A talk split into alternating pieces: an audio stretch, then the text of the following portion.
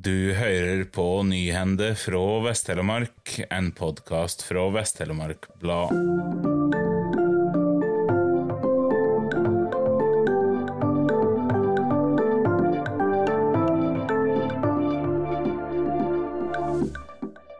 Onsdag ettermiddag blei brannvesenet kalla ut til en brann i en bygning på Garvikstrand i Seljord. Brannen starta truleg som følge av torværet og et lynutslag i den gamle telekiosken som står omtrent tvers over veien for Garvikstrand camping. Trond Johnsen i Seljord brannvesen forteller at det starta å brenne i bakveggen på telekiosken, som nå huser utstyr for Telenor. Han sier til Vest-Telemark Blad at brannen ble sløkt raskt, men kjenner ikke til skadene på det tekniske utstyret i bygningen. Telenor var onsdag kveld på vei til Garvikstranda for å reparere utstyret. Lørdag ettermiddag hadde kanalbåten Victoria et uhell ved Bandaksøy i Kviteseid da hun støtte på fjell.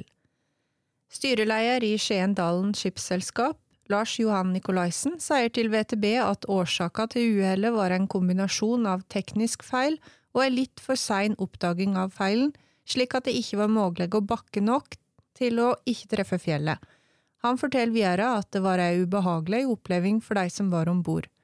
MS Victoria er nå tatt ut av drift, men er venta tilbake på Telemarkskanalen fredag eller lørdag denne veka. En mann i 50-åra bosatt i Vest-Telemark er tiltalt for kjøring uten førerkort, oppbevaring av narkotika og ha ammunisjon uten løyve. I oktober i fjor og april i år kjørte han bil uten førerkort, og i juni i fjor skal han ha oppbevart narkotika i heimen sin. Mannen er også tiltalt for brudd på våpenlova, da han skal ha skaffa og oppbevart ammunisjon uten løyve.